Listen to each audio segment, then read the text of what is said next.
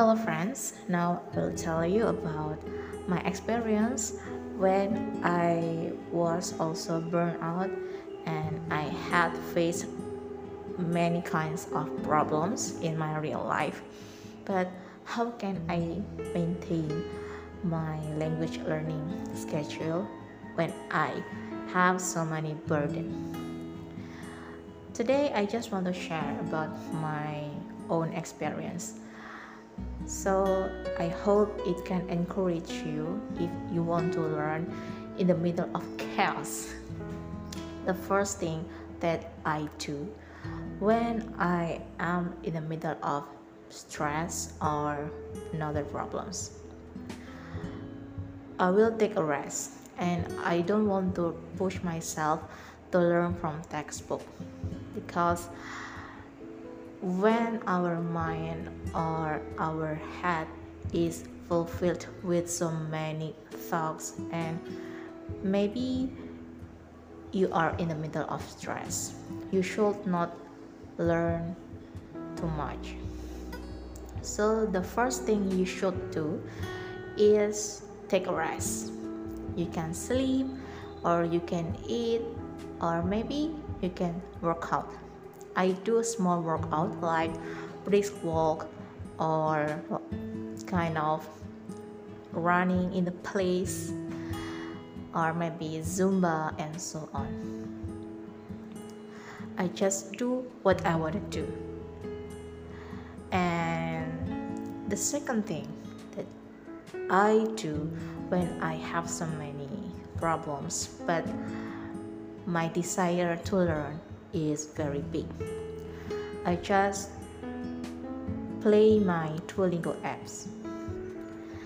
I learned Korean, and until now, I cannot open my textbook because I have so many schedules with my writing books or another activity. I learned from Duolingo, then I absorb from the YouTube channel I also making notes from podcasts or Korean drama. And I find that there are many good vocabularies or good Korean expressions that I have learned from Duolingo. I still can absorb the new vocabularies maybe from Korean dramas, or Duolingo. It is still a learning process. The second thing that I do is I just want to have fun with my language learning journey.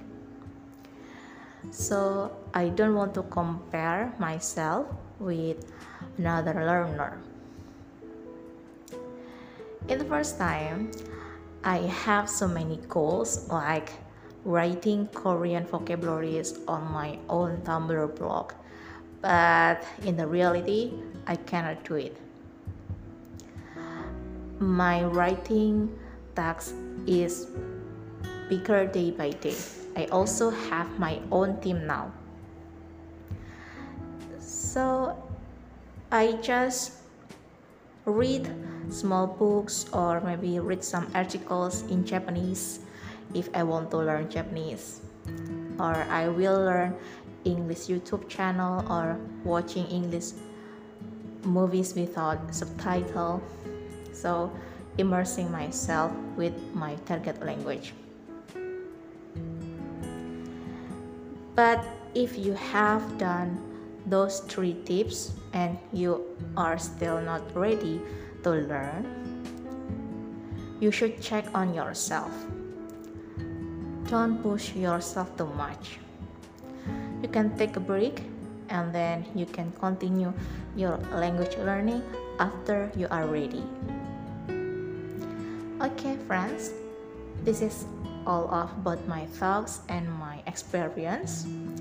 If you want to ask about my language learning or about my writing experience, you can tap on my DM on Kata Reffi Instagram channel K A T A underscore R E F F I. See you on my next podcast. Bye.